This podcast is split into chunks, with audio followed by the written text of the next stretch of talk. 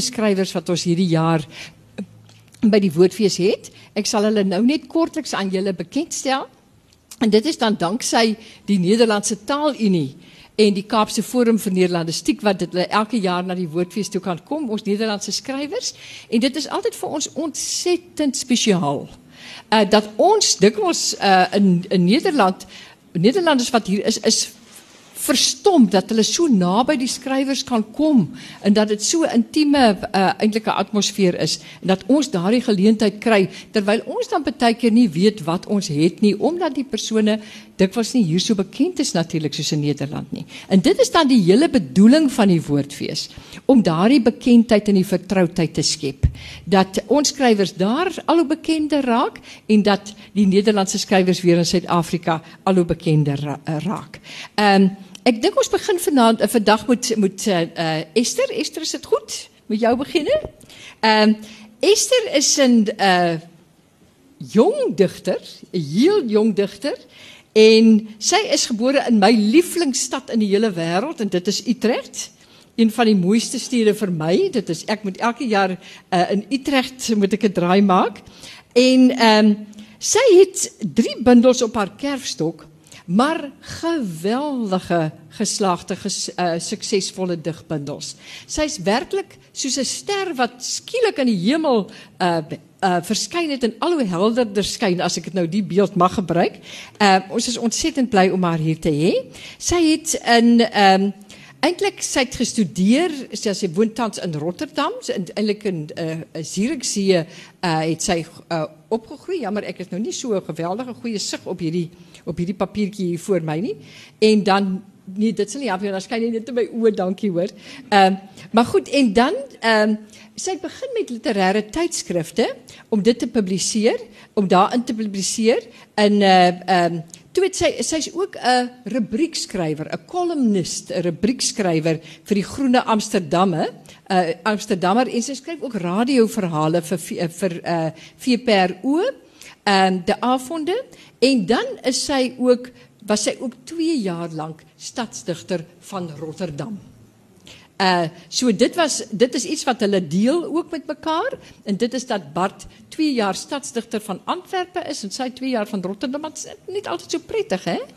Het is helemaal niet zo leuk om iedere keer een gedicht te moeten schrijven als gelegenheidsdichter. Het is heel moeilijk om dat te doen. Goed, uh, 2007 het uh, Esther, uh, sy is denk Esther Naomi Perquin is haar volle name. Uh, het sy gedebuteer met die digbundel Servette Hofstok en daarvoor het sy die debuutprys gekry van die tydskrif Het Liegend Konyn. En toe ek dit sien, toe ek tog so bly, want toe weet ek sy hoort by die woordfees, by woord by die magiese, die toweragtige woordfees, wat Het Liegend Konyn is tog nou regtig iets wat hier tuis hoort. Uh dit is 'n tydskrif in in in uh, Vlaanderen of in Nederland. Vlaanderen? Uh die Vlamingen Vlamingen het altyd geweldige interessante name. Uh en dan ehm die bundel is vertaal ook in Engels, Frans en Duits. Van wie hierdie debuutprys en een gedig van haar is selfs in die al 23 die amptelike tale van Europa vertaal. En ehm um, het ook ander pryse, die Eline van Haren prys uh gewen in 2008 vir die beste bundel van 'n digteres tot uh, onder die ouderdom van 35 jaar en die C Buddingprys en die Joop Peters Poesieprys uh, daarvoor is sy genomineer. Nou toe het in 2009 haar tweede digbundel verskyn namens de ander en dit is bekroon met die Joop Peters Poesieprys waarvoor sy die, by die voor die vorige een genomineer is. Die JC Bloem Poesieprys uh, van 2011 wat twee jaarliks toegekend word uh, aan 'n digter En toe ook met die ehm uh, sy's ook genomineer vir nog 'n derde prys. As ek al hierdie pryse moet noem, sal ek lank besig bly.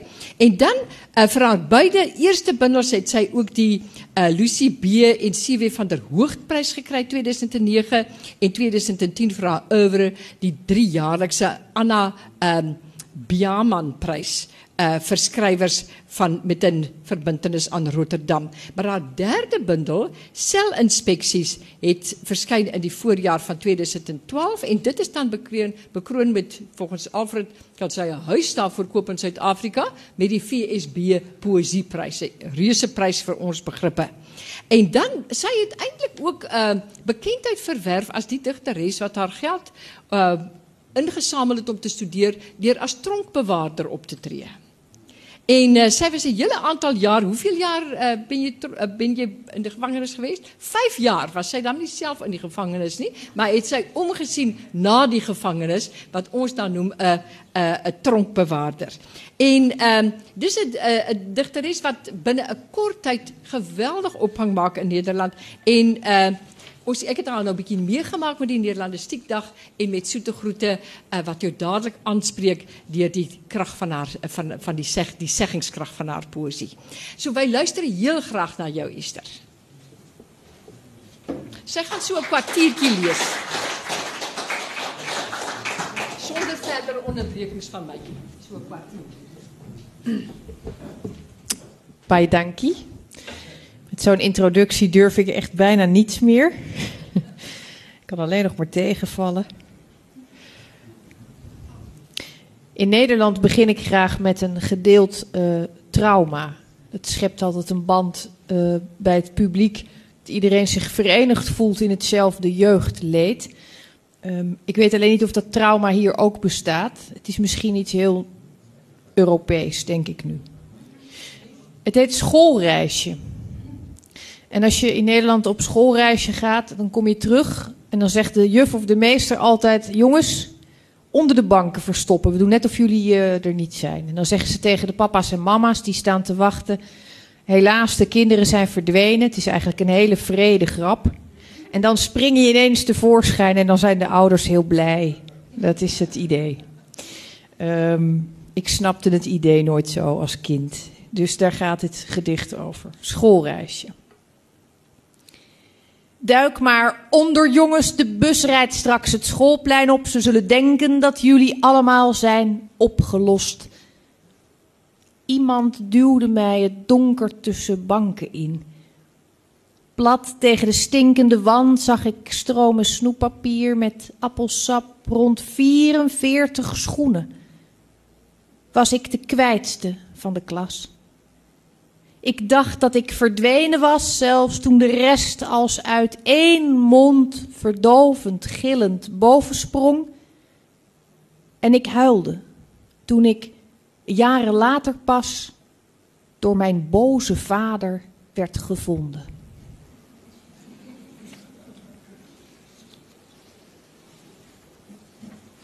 Zielig hè?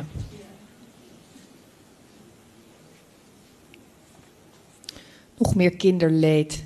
Ik het lekker om even daarin te blijven hangen. Voor straf. Goed zal hij er nooit in worden. Die kleine zoutpilaar van kijken tussen treden door als hij alweer een trage aftocht klimt. Vaak om iets kleins, iets alledaags waarvoor driemaal gewaarschuwd is modder van zijn tractor op het kleed. Of ook als wij een ogenblik niet kijken, zijn zusje knijpen. De dingen die hij doet. Toch krijgt hij meer en meer het rationele dat zijn vader heeft. Verveling die in zijn stappen sleept. Hij vergeet zijn speelgoed niet meer mee te nemen wanneer wij zeggen: opstaan, weggaan doet hij alles in een vreemd soort roes. En ja, wij missen soms dat hele erge van echt verlaten zijn, dat uren in hem nableef gloeien als hij voor straf van tafel moest. Toen ik verhuisde van um, Zierikzee, dat ligt aan de kust, in, uh, helemaal onderaan Nederland, tegen België aan geschurkt. Toen verhuisde ik naar Rotterdam en Rotterdam is een van de lelijkste steden van Europa. Als de wereld ooit een klisma nodig heeft, stoppen ze hem er daarin. Ik kan het niet uh, charmanter uitdrukken. Het voordeel was wel dat ik daar uh, volwassen werd, want ik kreeg mijn eerste eigen buurvrouw. Ik, ik, vond dat altijd een, een teken dat je er dan wel was. Als je je eigen buurvrouw had, dus niet die van je moeder, maar echt helemaal van jezelf. Um, ik zal u het Rotterdamse accent besparen. En in het Nederlands lees ik hem altijd heel snel voor, maar dat, dat zal ik nu een klein beetje langzamer doen. Het is tenslotte al best snel. Uh, ik, heb er eigenlijk heel weinig aan gedaan, uh, dit gedicht. Ik heb het alleen maar uh, opgetekend. Het was er eigenlijk al voordat ik het wist. Buurvrouw. Ja, zij van de overkant heb twee vriendjes tegelijk gehad. Dus je zag hem gluren achter de gordijnen van tien, omdat hij alles moet zien sinds zijn vrouw met dat been zit. En die dochter die boven woont, nooit wat voor dat mensje doet. En die schoonzoon is veel te goed, maar wel weer weinig thuis. Zodat die zuiplap van ernaast wel eens een gokkie waagt. En door die christenvrouw van zeven op zijn vingers wordt getikt. Terwijl geloven geef nou toe voor alle mensen anders is. Dat zegt die leuke homofiele knul van drie nog toen we daar laatst stonden bij die vent met die honden van die vrouw van vier. Die door iets in haar buik geen kinderen kan krijgen. Ja god, maar kijk, ik zeg altijd, je kan er beter over zwijgen. Het waren lange jaren met die buurvrouw. Mijn uh, tweede bundel namens de ander gaat heel veel over uh, angsten en fobieën. Ik heb een uh, hele tijd fobieën verzameld. Er zijn ongelooflijk prachtige fobieën waar je uit kunt kiezen. Um, het is natuurlijk wel vervelend als je er dan niet meer van afkomt. Ik ben er heel bevattelijk voor. Ik heb ooit een documentaire gezien over mensen met duivenfobie, met een duivenfobie. En na afloop van die documentaire heeft het mij weken gekost om weer normaal langs een duif te lopen. Terwijl ik daarvoor nooit ergens last van had. Um, ik heb een soort ongerichte uh, empathie. Een van de meest begrijpelijke angsten vind ik pleinvrees. Om, omdat ik dat zelf, als je aan de rand staat van een grote open ruimte, uh, heb ik daar ook wel eens last van. Dat ik denk, oei, als ik daar doorheen loop, dan zien ze me. In mijn uh, gedicht is het uh, plein een wat wulpse vrouw. En ehm, dat klinkt ongeveer als volgt. Denk niet dat er iets valt te duchten van muren rondom. Schuif banken en bomen met gerust hart opzij ze hebben met haar niets van doen. Alleen zij spreidt zich recht voor je uit, legt zich ademloos open. Wenst niet te worden verward met omringend gevaar. Kijk, jongen, hier lig ik en ik zal je niets doen. Betreed me nu maar. Haar oppervlak trilt haar rand zuigt verlokkend de punt van je schoen, ontlokt je bijna een stap. Herken haar ruimte, die liefst ook in jou haar gaten slaat en weet hoe ze straft wie het waagt. Overzie haar, keer op je schreden terug en loop om.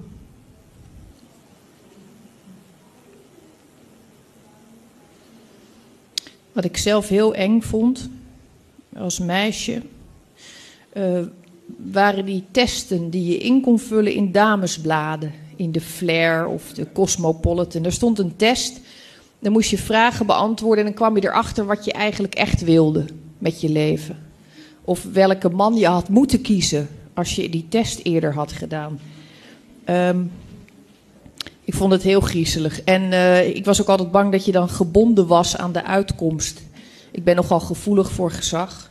Um, ik heb daar een gedicht over geschreven. En het is het enige gedicht van mij dat ooit in de L is verschenen. Ik weet niet of ze dat als grapje hebben gedaan, maar ze, wilden, vonden het een erg leuk gedicht blijkbaar. Ik, ik, ik vrees ook dat er mensen zijn die hem serieus hebben ingevuld. U mag meeschrijven, ik, eh, ik kan alleen niet corresponderen over de uitkomst. Onderzoek. Wilt u rusten overdag en s'nachts een man gelukkig maken? Voelt u zich neerslachtig bij het idee van lavendel? Heeft u wel eens een hotel bedacht? Haal door, ik ben geen vrouw, ik ben een domme vrouw. Ik heb in de afgelopen jaren minimaal zes keer spijt gehad aan mijn vingertoppen kleeft bij voorkeur bladgoud, verf, tomatensap. U past in een koffer. Als u niet in een koffer past, hoe zou u uzelf dan omschrijven? Hoe lang heeft u last van overgewicht? Hoe vaak? Als u van een brug springt, zult u toch proberen A. uzelf aan te wijzen op een kaart, B. steeds verder weg te drijven, C. halverwege om te keren. Stel, uw ziekte is een dier. Bij gezondheid telt de vraag voor twee. Welk dier is uw ziekte bij voorkeur niet? Let op, de slechte dagen dienen meegeteld. Bent u banger voor de uitslag dan voorheen? Schrijf op wie volgens u de vragen stelt.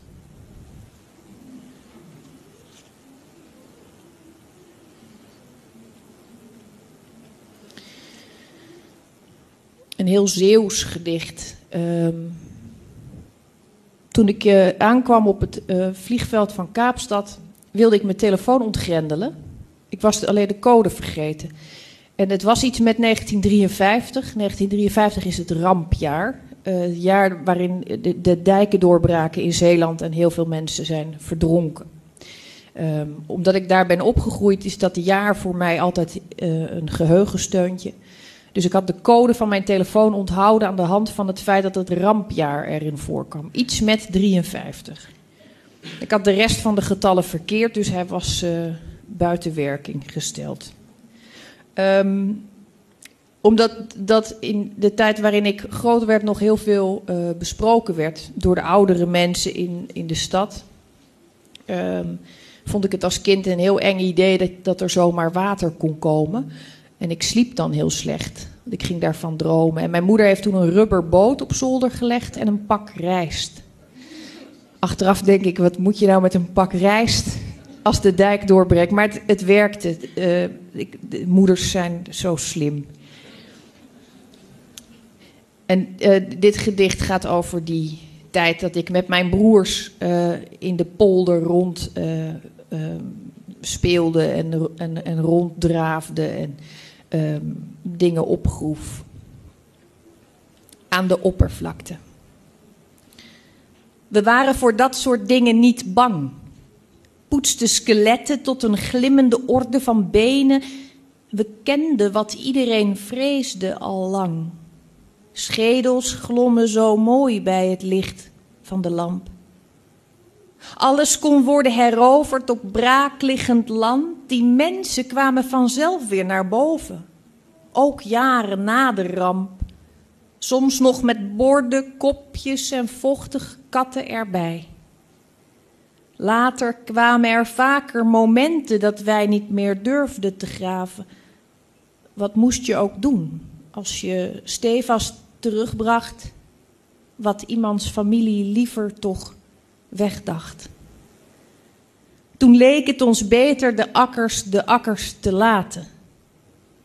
En wat we nog hadden, dat lieten we gaan, legden we keurig genummerd terug in het water. En dan um, nog iets over de gevangenis waar ik uh, werkte. Dat had u natuurlijk al uh, gehoord en ook gezien aan mijn uh, intimiderende fysieke verschijning. Dat ik heel geschikt was voor dat vak. Um, het, voordeel is wat je hebt als je een vrouw bent in een mannengevangenis, want dat was het. Uh, 500 uh, dotten van jongens. Um, is dat als vrouw roep je minder agressie op. Je doet toch een beetje aan moeders denken, of op zijn minst aan, um, nou ja, aan andere dingen die je met vrouwen kunt doen. wat ik altijd heel verbazend vond, is dat uh, sommige van de vervelendste criminelen de meeste post kregen. Post van vrouwen. Vrouwen die hen wilden redden. Uh, vrouwen willen altijd mannen redden. Het lukt eigenlijk nooit. Maar het is een hardnekkige drang. En slechte mannen zijn natuurlijk ook leuker dan goede. Kunnen we niet onderuit. Soms werd dat een relatie en dan ging zo'n man, als hij vrij kwam, bij die vrouw wonen of op bezoek. Um, en moest hij zich aanpassen. Wij lazen de correspondentie, tenminste de kant van de gedetineerde kregen wij uh, te lezen. En we wisten dus zo'n beetje wat er dan tussen twee mensen gaande was. Brieven onder nummer. Eerst moet je leren schrijven aan een vrouw. Een brief die vreemde onder ogen komt, wordt uitgespeld. Die om je regels heen haar lippen likt. Dat stuk gezeten lijf van jou schoonmaakt, oplapt. Wat jij hiervoor ook was, schrijft ze, telt niet echt. Het was vergeefs, ik was er nog niet bij dan moet je, als je haar in handen krijgt, zelf opgeruimd en vrolijk zijn en passen in haar schone huis. Je went aan kussens op de bank, tafelkleden, hondjes van porselein, aan speciale schaaltjes voor de soep en buitenroken, haar moeders gezicht, appelgebak, de foto op de kast, het hoofd dat naar je loert. Wat ben je glad geschoren, fris gedoucht en zwijgzaam, zegt ze. En dan kus je haar. Nooit zeg je wat. Je jeugd alleen zou vlekken maken op haar vloer.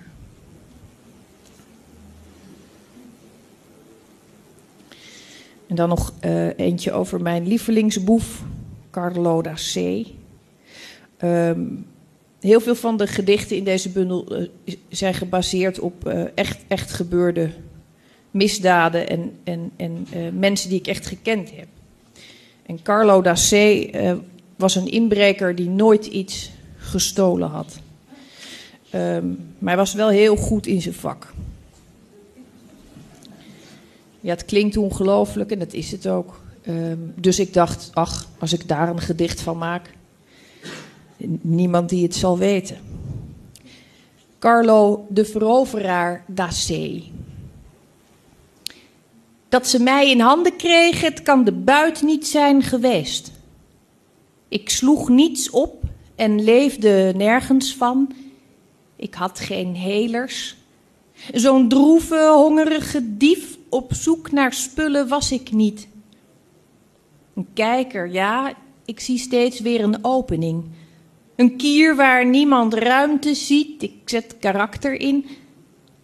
Was er een huis, uit ijzer en beton gegoten, zes man bewaking op de muur, toegangswegen afgesloten. Ik kwam erin. Ik nam niet eens iets mee, geen schat of souvenir. Dit zat de oude rechter dwars. Een man die nooit de schoonheid zag van ergens zijn. Van kamers waar geen vreemden kwamen. Hij ging maar door op wat te halen viel, alsof ik dat niet zag. Ik hoef hun televisie niet. Wat er te halen viel, dat heb ik nog. Ze nemen mij geen meter af van elke afstand die ik won. Van elke kamer die ik zag. En ieder dak dat ik beklom en waar ik stond en koning was. En dan uh, wil ik eindigen, voordat ik Bart zijn tijd opsnoep, want dat zou in alle opzichten zonde zijn. Wil ik eindigen met iets kleins over de liefde. Want dat moet ook af en toe. Iets kleins over de liefde.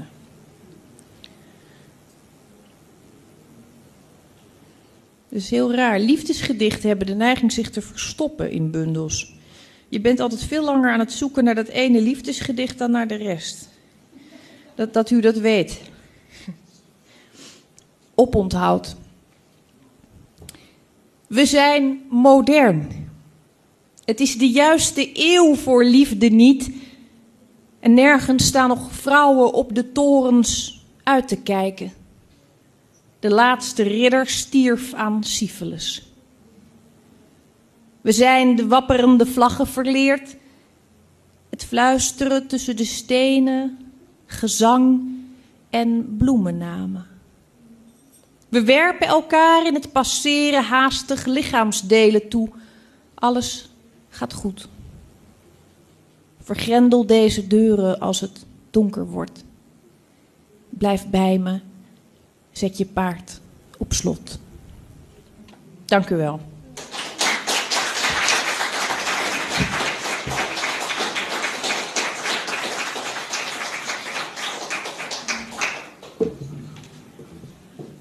Van harte bedankt Esther. Ik kan jullie zien wat het ik bedoel. Krachtige woorden wat zij spreekt. En uh, ook woorden waar je lang mee bezig kan blijven als je dit met, met, studenten zo bespreken. Uh, ik kom bij Bart Moejaard. Uh, Bart het ik op een ongewone omstandigheden leer kennen voor zijn komst naar Zuid-Afrika. Want ik heb de dochter wat... wat een kunstgeschiedenis, uh, wat uh, een visuele kunsten heeft. Zij haar magister, haar thesis geschreven. En een van die gedichten wat zij, ach, een van die verhalen, die jeugdverhalen wat zij gekies heeft, was uh, Bart Moejaardse de, de Schepping. En ek het nogal gewonder hoe sal die skrywer lyk van daardie fascinerende verhaal. Daniel, jy moet hom tog vir ons in Afrikaans vertaal, maar dit is 'n heel dis 'n heel ander soortige verhaal daardie. Maar uh, Het is meegevallen hoor. Het is, uh, het is, uh, hele, het is uh, baie ongebruikelijke verhaal wat ik ontzettend veel aan gehad heb. Een uitstekende verhaal naar mijn mening. En dit is voor ons een vreugde om Bart Moejaard ook hier te verwelkomen samen met Esther. Nou Bart kom uit een andere stad in Europa wat ik als die mooiste kleinstad in Europa getypeerd heb en Brugge. Uh, dit is die mooiste klein stad vir my in my persoonlike lysie. Ek sal vir julle as julle belangstel na die tyd sê wat is my ander groter stede. Maar ehm uh, dit is 'n heel besonderse plek en daar het hy is hy gebore in 'n groot huis staan hier aan die rand van die stad, maar waar uh, Esther nou as ware bekendheid verwerf het met die feit dat sy 'n tronkbewaarder was, nê? Nee? Het Bart nou weer tog heel veel aandag getrek deur die feit dat hy die jongste is van sewe broers, nê? Nee? En dat hy so dat in uh, sewe broers dat hy dus sy tweede ja, eh, naam is dus Boudewyn nê want dit was die koning hy's eintlik die koning word outomaties sy peetpa sy peetouer nê omdat hy met sewe kinders is dit tog dan wel spesiaal genoeg dat jy 'n koning so uh, kan hê as jou peetouer uh, ek weet nie wie sal dit by ons word nie. As dit met ons moet gebeur wie sal jou peetouer moet wees nie? Want ons het natuurlik 'n president wat uh, ag sewe is eintlik 'n klein getal hier in Suid-Afrika. Maar uh, uh, dit is uh so ek weet nie of dit hier dieselfde gevolg sal hê nie, maar ek dink dit is tog heel uniek om uh dan een te wees van van sewe uh kinders en ehm uh, hy is ook vernoem na 'n jeugboek skrywer Anne de Vries. En uh uh so mense kan dink dat dit moes ergens aansteeklik gewerk het. Ek het nou net gekom van kom nou net van 'n praatjie wat hulle vertel hoe as jou gesig lyk nou. Ek het altyd gedink dis maar 'n ongelukkige toeval dat my ken lyk soos hy lyk, maar nee, daar is 'n persoonlikheidstrek aan verbonde, nê? Nee? Dit is dit het wel dit weet het, het wel 'n effek so daardie ding wat hulle sê dat die die skurk altyd nou oogies sit wat naby mekaar sit. Dit het blykbaar tog 'n een of ander sin, maar nou moet dit daarom tog ook 'n invloed hê op so 'n baba as hy genoem word na 'n skrywer, nê? Nee? Dit is tog uh, uh, dit het hier definitief gewerk want hy het reeds baie vroeg het hy begin om uh, te skryf. Uh, hy het reeds op 14 jarige leeftyd het hy begin met 'n dagboek.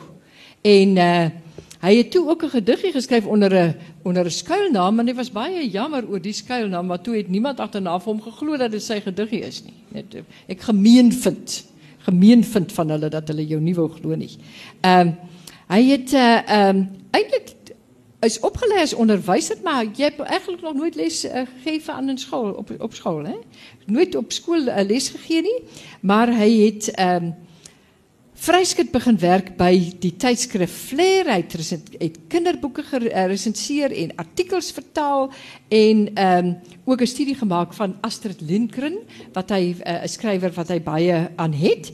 En ehm um, Toe het hy reeds op 31 uh, 1 jaar 31 jarige leeftyd het hy besluit hy word nou voltyds wat 'n baie moedige stap is, maar dit gaan goed. Dit lyk vir my dit uh, dit want hy hy gaan nou alweer het ek nou net van die, uh, van tevore gehoor jy, gaan weer na Zurich en net daarna na Bologna. Maar die na die uh, uh, pragtige kinderboekenmark daar. Goed, so hy het toe uiteindelik het hy in Antwerpen geland waar hy ehm um, ook twee jaar stadsdigter word, was wat ek gesê het wat nou die is wat hulle deel, maar wat dan nie altyd ewe uh, prettig is nie. Goed, so dit is uh, hy het gedebuteer met 'n autobiografiese duet met valse noten op uh, 1 Oktober 1983 en daarvoor het hy alreeds 'n um, prys verower. Uh, as mens kyk, uh, dit is 'n skrywer wat werklik geweldig bekroon is ook. So ons is uh, begunstig dat ons hierdie jaar uh, sulke uh, skrywers het wat wat uh, in hulle eie uh, gebiede, maar ook in die buiteland uh, baie groot sukses behaal. En daarom is dit vir ons 'n voorreg.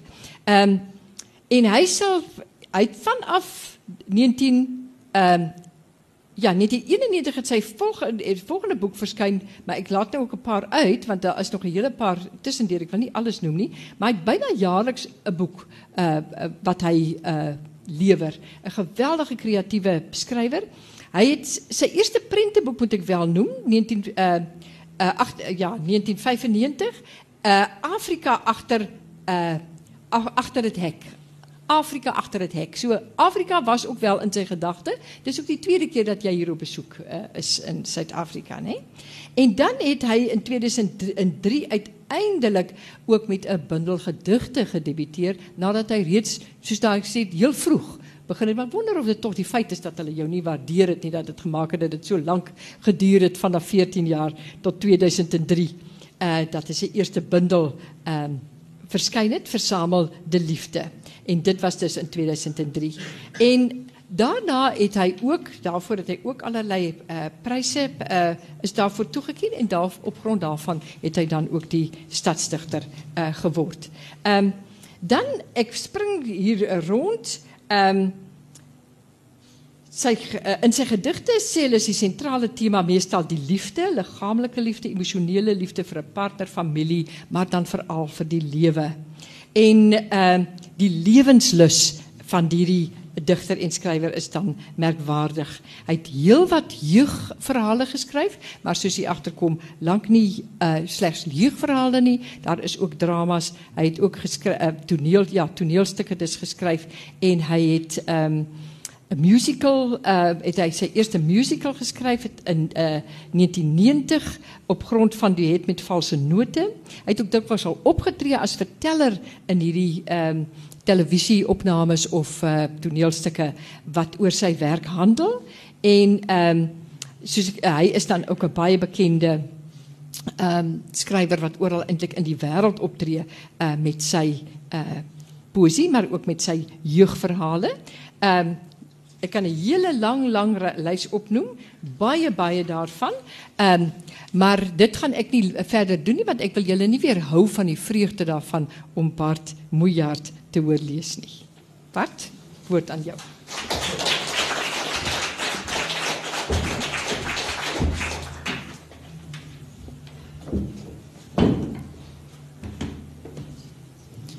Goedemiddag. Zie Niets is voor u. Niets is voor u bedoeld. U wordt nogthans gewenkt. Onbekend is onbemind. Dat is de naam voor alles wat uw leven lastig maakt. Van jassen vindt u vast de kraag het mooist. Het is de heg die u graag hebt. Hij dient niet om er overheen te kijken. Hij houdt uw adem dicht bij uw gezicht. Van decemberdassen heeft u er een paar. Het kan niet gauw genoeg gaan sneeuwen. Dan mag uw kop in kas het waaigat in. Waarom zo bang? Het is vergissen wat ons bindt. Het zijn de fouten die ons op elkaar doen lijken. Zie, de sponsor over. Zand. Als u van koud houdt, denk aan januari. Dat is wat heet een fris begin. Dat is natuurlijk een gedicht dat alleen maar bij ons kan werken. Laat ik opnieuw beginnen. In het begin was er niets. Het is moeilijk om je dat voor te stellen. Je moet alles wat er nu is nog niet laten zijn. Je moet het licht uitdoen. En er zelf niet zijn. En dan ook nog eens al het donker vergeten, want in het begin was er niets. Ook het donker niet. Als je het begin van alles wil zien, moet je erg veel weglaten. Ook je moeder. Zo begint de schepping. Je moeder weglaten is ongeveer het moeilijkste. Dus neem ik haar altijd mee, of ik dat nu wil of niet. Mijn moeder wilde twee kinderen. Een zoon en een dochter. En dan wilde ze op reis, want daar zou ze er tijd voor hebben. En er zou ook geld zijn van kijk eens jongen, dit is Parijs. Je bent nu oud genoeg. En kijk eens meisje, dit is Venetië. En dit is ook een mooie stad. Uh, mijn moeder heeft heel weinig gereisd. Ze heeft uh, zeven zonen gekregen. Ik ben er de jongste van. Ik heb koninklijk bloed. Ik kan dit heel goed. Kan ik echt heel goed. En ik ben ook getekend door die, door die kindertijd van mij. Als je de jongste bent, dan heet je de meest verwenst, verwende, niet verwenste. of misschien, wie weet. Uh, in elk geval, dat heet dan zo. Ik weet wel zeker dat het een nadelen en voordelen had. Ik zal u één verhaal lezen, waardoor u eh, een beetje snapt wat de voordelen of de nadelen zijn. Het heet aangeboren. Mijn broer en ik lagen samen op bed en probeerden de goede kant van ons lichaam te vinden. Het wilde vannacht met het slapen niet lukken, omdat het erg vol was in ons hoofd. We hadden een drukke dag gehad, waarin we van alles hadden gedaan, maar weinig hadden gedacht. En dat wilden we nog voor we in slaap vielen inhalen. In het donker gingen we verliggen op onze rug, op onze zij, op onze buik, op onze zij, alsof we in onze gedachten lagen te sudderen. Er leek geen eind aan te komen, tot mijn broer ineens in het donker vroeg of ik wist waarom het wel eens gebeurde dat zijn oor floot. Ik wist niet dat het wel eens gebeurde dat je oor floot, zei ik. Zelf heb ik het nog nooit van je oor gehoord. Ik kan het me in elk geval niet herinneren. Mijn broer zei dat hij daar niet van opkeek. Voor buitenstaanders is het fluiten niet te horen, alleen ikzelf schrik er altijd weer van.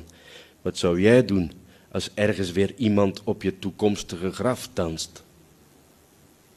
Omdat ik op mijn buik lag en mijn ene oor in mijn oorkussen begraven was, hoorde ik maar half wat mijn broer zei. Het duurde een tijd voor ik zijn zinnen goed had samengesteld. En toen ik dieper had nagedacht over zijn toekomstige graf, ging ik geschrokken overeind zitten.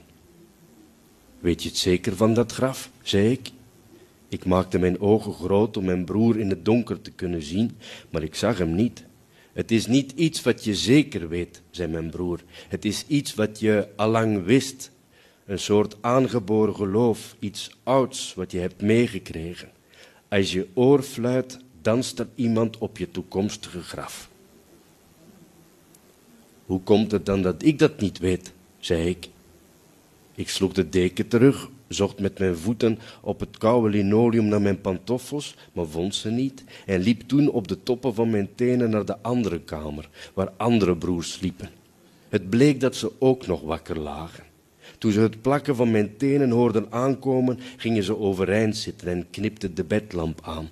Ze vroegen wat er scheelde en ze keken erbij alsof ze hoopten dat er heel veel scheelde. Ik vroeg of hun oor wel eens floot en of ze wisten wat er dan eigenlijk tegelijk aan het gebeuren was. Ik hield nog even mijn adem in, omdat mijn broers waarschijnlijk bedenktijd zouden vragen, maar dat deden ze niet. Ze antwoordden plomp verloren dat hun oor regelmatig floot en dat op dat moment iemand op hun toekomstige graf danste. Daarna keken ze in mijn richting op een beetje glazige manier, zoals ze wel vaker keken. Dan wist ik altijd weer dat ik jong was. Erg jong zelfs. De jongste eigenlijk. Bedoel je dat die oren van jou nog nooit hebben gefloten? zei mijn broer. Ja, zei ik, nog nooit, of in ieder geval niet dat ik weet. Mijn broers wisselden blikken, keken nog eens naar mijn oren en maakten bewegingen met hun wenkbrauwen. Een van mijn broers stak zijn hand omhoog. Hij zei, wacht eens even. Je wilt me toch niet wijsmaken dat uh, je linkerhand nog nooit gejeukt heeft? Of je rechter, zei mijn andere broer. Ik schudde met mijn hoofd en haalde mijn schouders op. Als je linkerhand jeukt, ga je winst maken, zei mijn ene broer. En als je rechterhand jeukt, verliest. Zei, als je rechterhand jeukt, verlies, zei mijn andere broer. Zo is dat. Hoe linker, hoe stinker, hoe rechter, hoe slechter. Mijn adem bleef achter in mijn keel steken. Ik keek naar mijn handen, die, die bij, mij, bij, mij, bij mij weten nog nooit gejeukt hadden. En dat kon kloppen, want erg rijk was ik nog niet geworden. En veel verlies had ik nog niet geleden. En, en dat weten jullie gewoon, zei ik. Waarom heeft niemand me dat ooit verteld? Het is niet iets wat verteld hoeft te worden, zeiden mijn broers tegelijk. Het zit in iedereen's genen, een soort aangeboren geloof is het. Net zoals iedereen al voor zijn geboorte weet dat er over je wordt geroddeld als je oren toeteren, zei een broer. Of gloeien, zeiden mijn andere broers. Gloeien kan ook en flapperen. Allemaal hetzelfde. Dan wordt er over je geroddeld. Ik kon niet meer stilstaan. Zoveel nieuws had ik nog nooit na elkaar gehoord. Alles wat ik altijd al had geweten van voor ik geboren was, begon ineens tegelijk te gebeuren. In mijn oren floot het, mijn linkerhand jeukte, mijn rechterhand ook, in mijn oorschelpen wapperden en, en vatte vlam. Ik keek naar mijn broers, naar de oudste, de stilste, de echtste, de verste, de liefste en de snelste. Ze, ze zaten allemaal aan hun neus te krabben. Nee, nee, nee, zei ik. Dit betekent zeker ook weer iets als je neus jeukt. Ja, zeiden mijn broers. Er denkt iemand aan ons. En inderdaad, op dat moment kwam mijn vader de kamer binnen. Hij dacht aan ons. Hij gaf ons klappen tegen ons hoofd, zodat onze oren floten en nog lang bleven gloeien.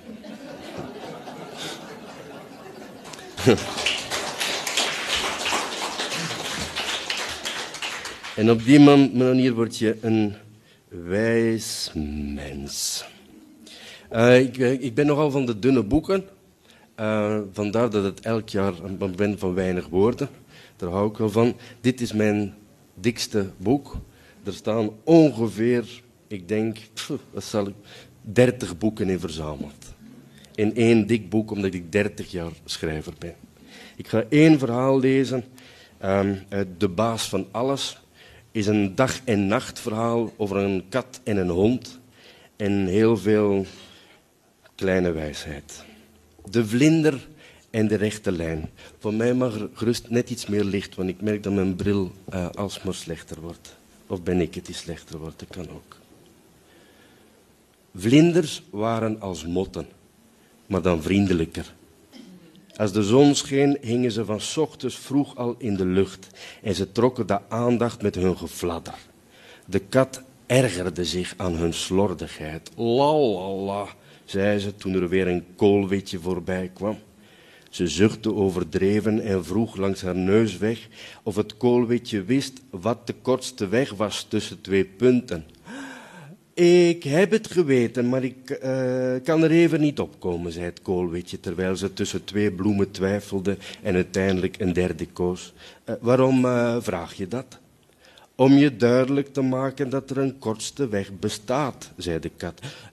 natuurlijk bestaat die, zei het koolwitje, maar waarom zijn er ook zijpaadjes als je ze nooit neemt?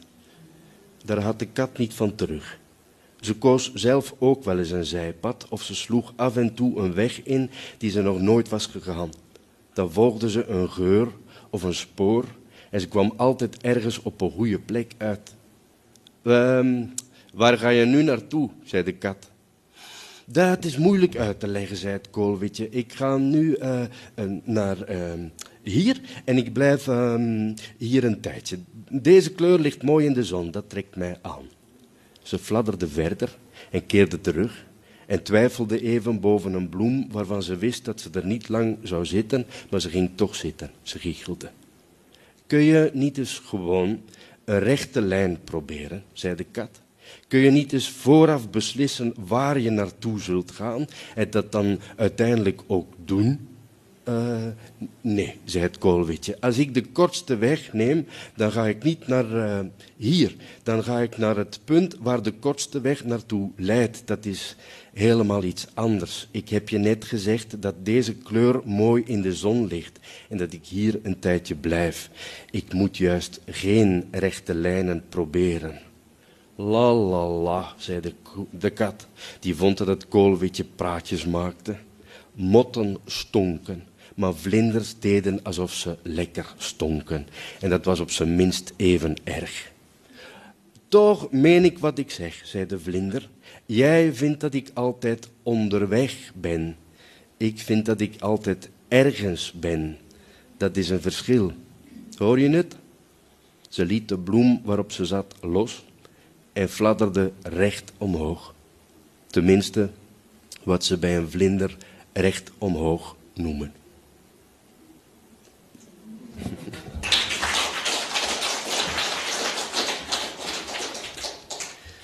Ik sluit af met een paar gedichten.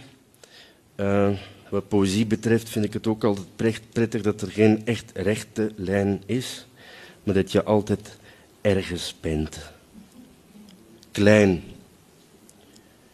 Een stoel heet stoel. Een deur heet deur. Dat is voor het gemak. Maar wat een blad is voor een vrouw, is voor een mus een dak.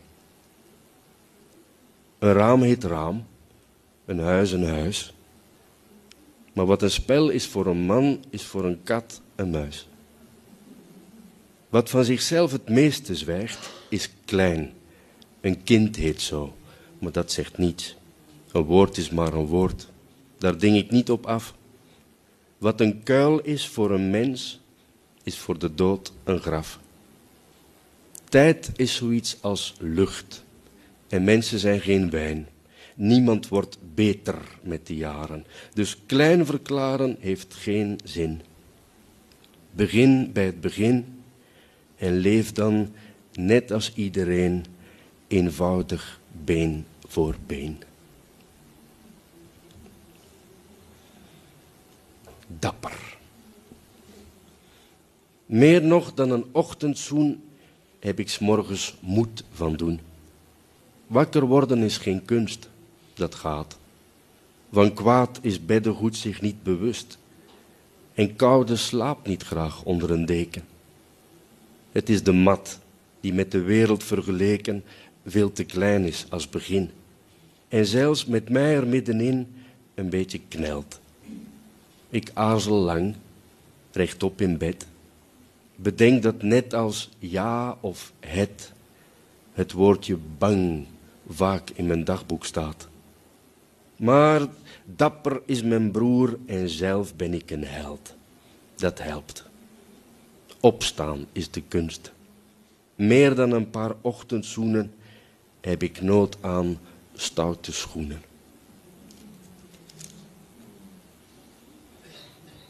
Sterk. Ik dacht dat het niet kon. Dat iets wat je niet ziet je alle dagen draagt en sterker maakt. Alsof je spieren krijgt van liefde. Maar kijk, het klopt. Het hart van oma slaat nog altijd over als ze opa ziet. Maar nu hij oud is en te bed, misschien nog net de hemel haalt, loopt oma sinds een poosje krommer en vraagt ze vaker om een arm. Zonder hem krijgt ze het huis niet warm. En zelfs de hond zakt zuchtend naast de luistoel. Dus is het waar dat liefde spieren geeft en op den duur ook vuur. Brug. Brug is een stadsgedicht. Er stond een brug, een ijzeren voorlopige brug in Antwerpen, die er normaal gezien drie maanden zou staan. En uiteindelijk is die brug na 32 jaar afgebroken. En de stad was te klein, want dit was een schande. Die voorlopige brug van drie maanden werd afgebroken. Nou, dat kon niet, dat kon absoluut niet. Dat heeft mij geïnspireerd tot dit gedicht of wij ook mogen afgebroken worden. Brug. Vooral s'nachts vraag ik me af of ik er iets toe doe. Ben ik van nut? Wat draag ik bij?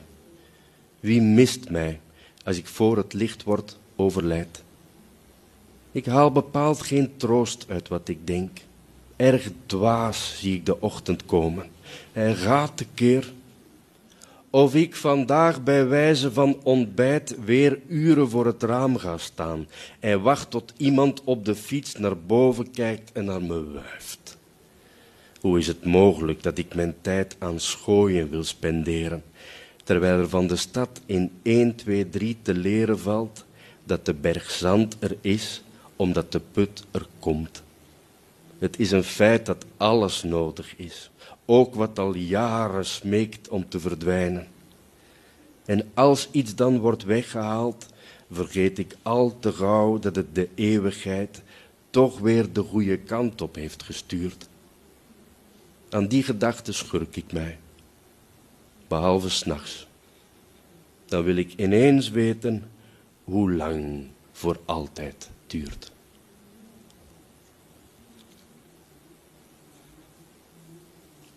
Lepeltje. Sinds ik met je wakker word, als in een la die leeg is op ons tweeën na, is wat er morgen komt ondergeschikt aan wat vandaag al is begonnen. We gaan met een bepaalde logica eerst af hoe wij vandaag weer samenhangen. Dit is jouw been, dit is mijn rug. Mag ik hem nu van jou terug? En wat ik verder zou verlangen is dat we opstaan en ons leven vanaf hier hervatten. Met jou dan naast mijn hart, onder mijn arm. Ik hou je tot vanavond warm, totdat je slaapt en daarna wakker wordt als in een la, leeg op ons tweeën na. Alsjeblieft.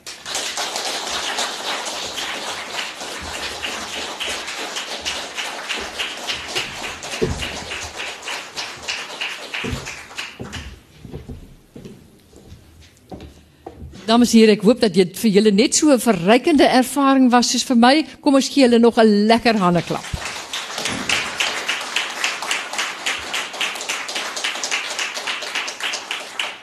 Uitstekend en ons hoop ons sien julle weer in die toekoms by ons Nederlandse digters want dit is altyd vir my heel spesiaal.